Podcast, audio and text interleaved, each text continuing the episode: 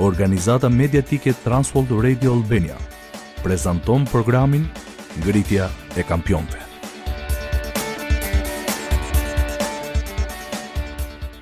Kjo s'është e lehtë. Mund të jetë shumë e vështirë të pranosh se ke mosfalje ndaj prindërit.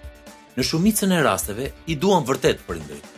Kështu që shkeljet dhe lëndimet i bllokojmë, i mohojmë.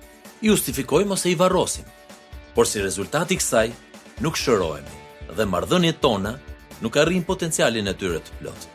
Mirë se vini në programin Ngritja e Kampionëve.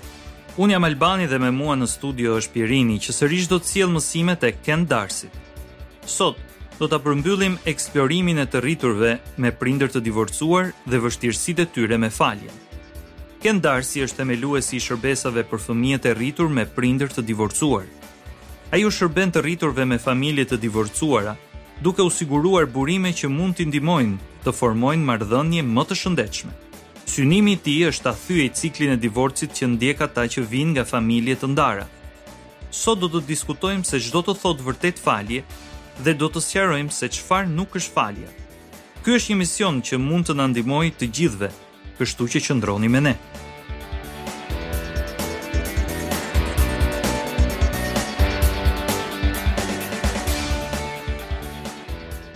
Shumë prej dëgjuesve tanë i kanë prindërit e divorcuar.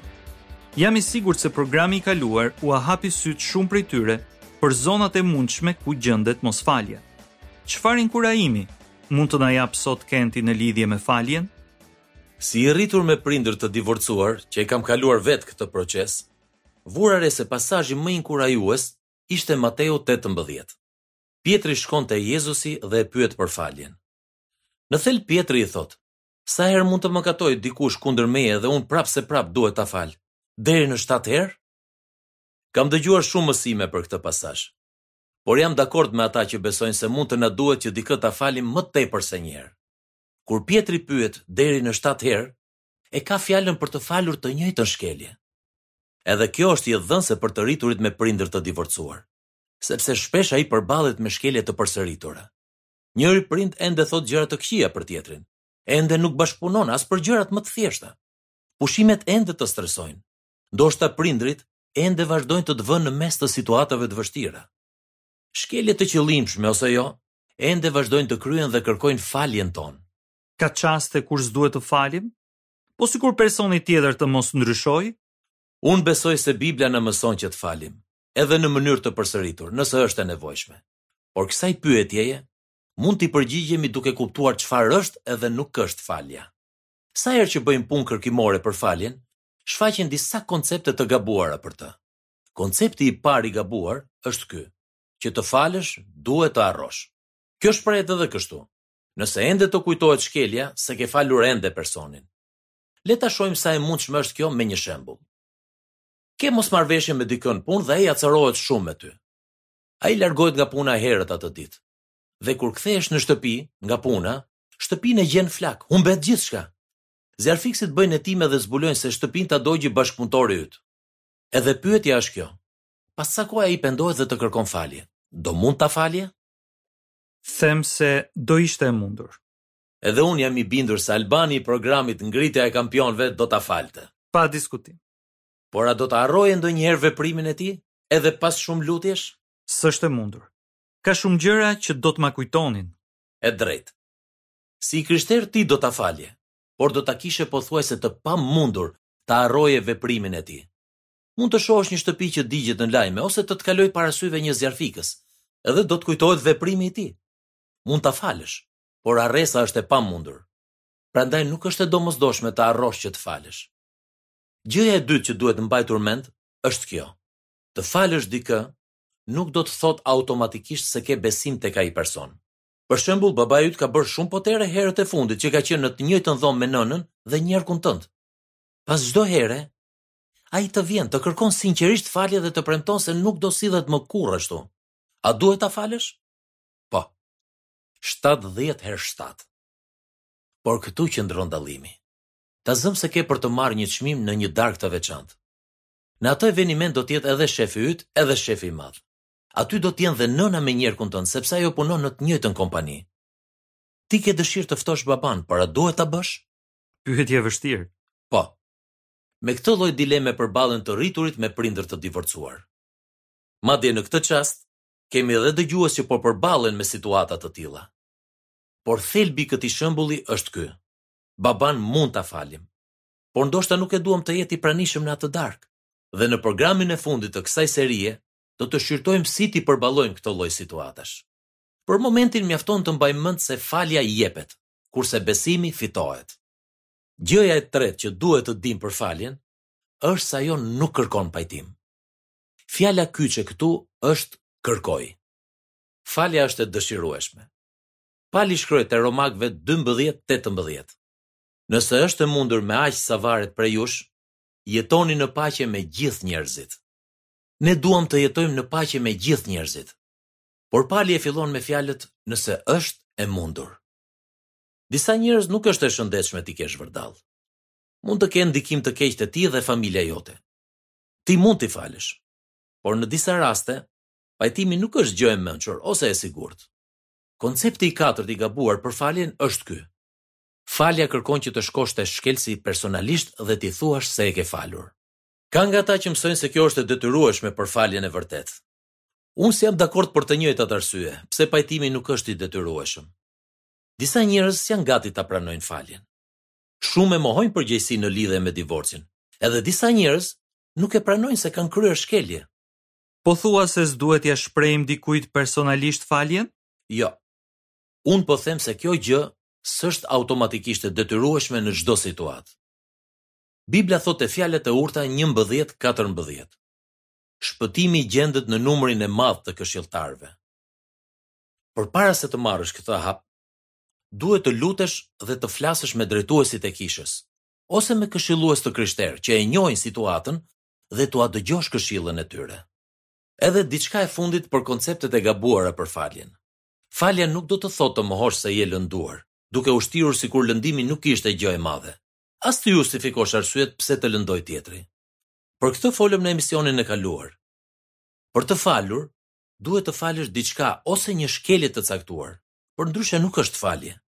Fshehja nuk e largon lëndimin. Pra tani e kemi idenë se çfarë është falja. Por pyetja e radhës është, si të ecim përpara dhe t'i falim ata që na kanë lënduar? Hapi i parë është ta mbushim zemrën dhe mendjen me fjalën e Perëndisë. Lexo sa më shumë pasazhe biblike për faljen. Kjo do të ndihmojë të kuptosh se si e sheh Perëndia faljen dhe çfarë dëshiron ai për ne. Hapi i dytë është t'i lutemi Zotit që të na japë dëshirën që të falim. Pjerin të lutem, qartësom ç'do të thuash të na japë dëshirën. A nuk duam vetë të falim? Jo gjithmonë. Nganjëherë lëndimi është kaq i thellë ose dhimbjen e kemi patur për kaq shumë kohë, saqë marrim forcë prej saj.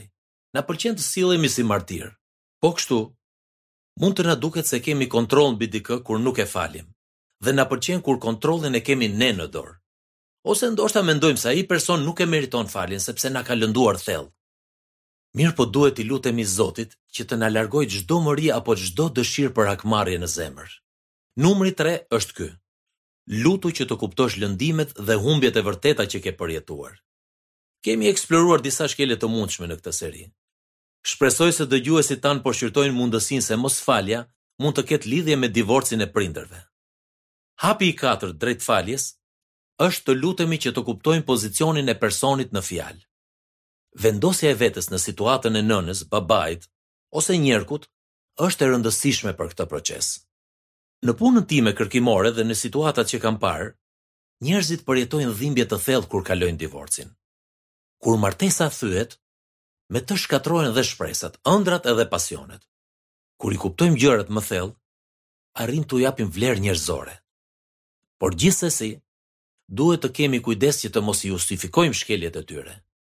Gjërat e listës janë gjithsesi shkelje, por dhembshuria që vjen ngaqë kuptojmë tjetrin na ndihmon ta falim për shkeljen në fjalë. Hapi i fundit është të gjejmë dikë që mund të na ndihmojë në këtë proces. Bashkëshortja ose një drejtues i krishterë, këshillues ose dhe një mik i krishterë mund të na ndihmojë në procesin e faljes. Këndvështrimi i jashtëm i tyre mund të të ndihmojë së tepërmi kur përballesh me problematikat e faljes. Jam dakord. Por po vras mendjen, nga ta dish nëse e ke falur dikë? Si ta kuptosh? Besoj se është e mundshme.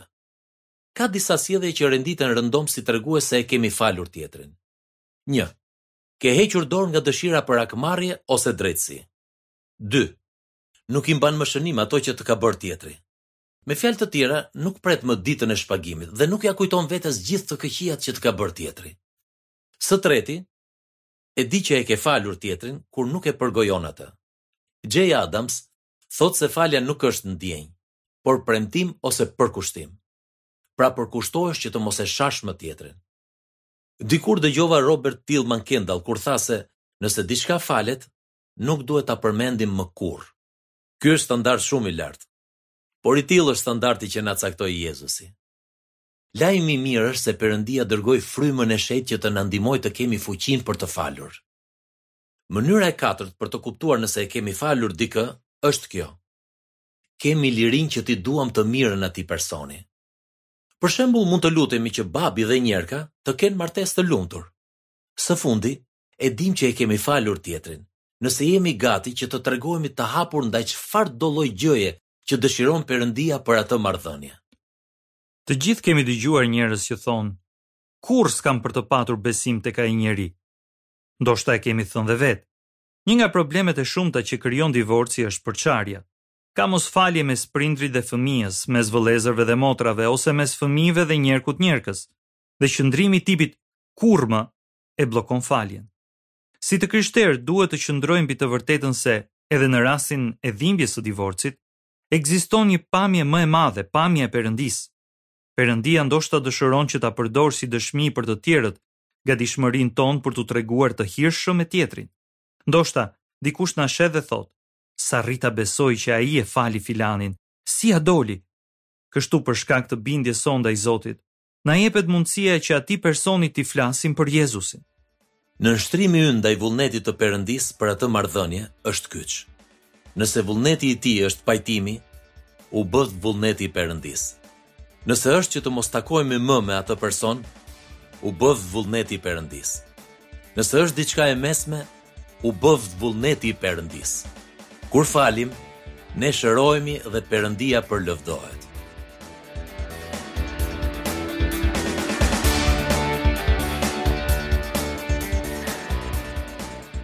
Faleminderit që na ndoqët edhe sot në programin Ngritja e Kampionëve, ku burrat pajisen dhe forcohen që të përmbushin potencialin që u ka dhënë Perëndia. Shpresojmë se këto dy emisione për faljen kanë qenë bekim për ty dhe të kanë ndihmuar t'i kuptosh më mirë sfidat që kanë të rriturit me prindër të divorcuar dhe të gjithë ne me faljen e atyre që na kanë lënduar. Për të mësuar më shumë për këtë seri, shko te faqja jonë në www.championsarise.org dhe kliko te thyerja e ciklit të divorcit. Po kështu na shkruaj një letër në Trans World Radio Albania kutia postare 130 Tiranë ose një email në adresën valëteungjillit@yahoo.com. Unë jam Albani dhe me mua në studio ishte Pjerini, i cili sot i solli këto mësime sikur vetë autori i programeve Ken Darsi të ishte këtu me ne. Ju falënderoj që dëgjuat programin Ngritja e Kampionëve. Perëndia ju shndërroftë në burrin që ai e di se ju mund të bëheni.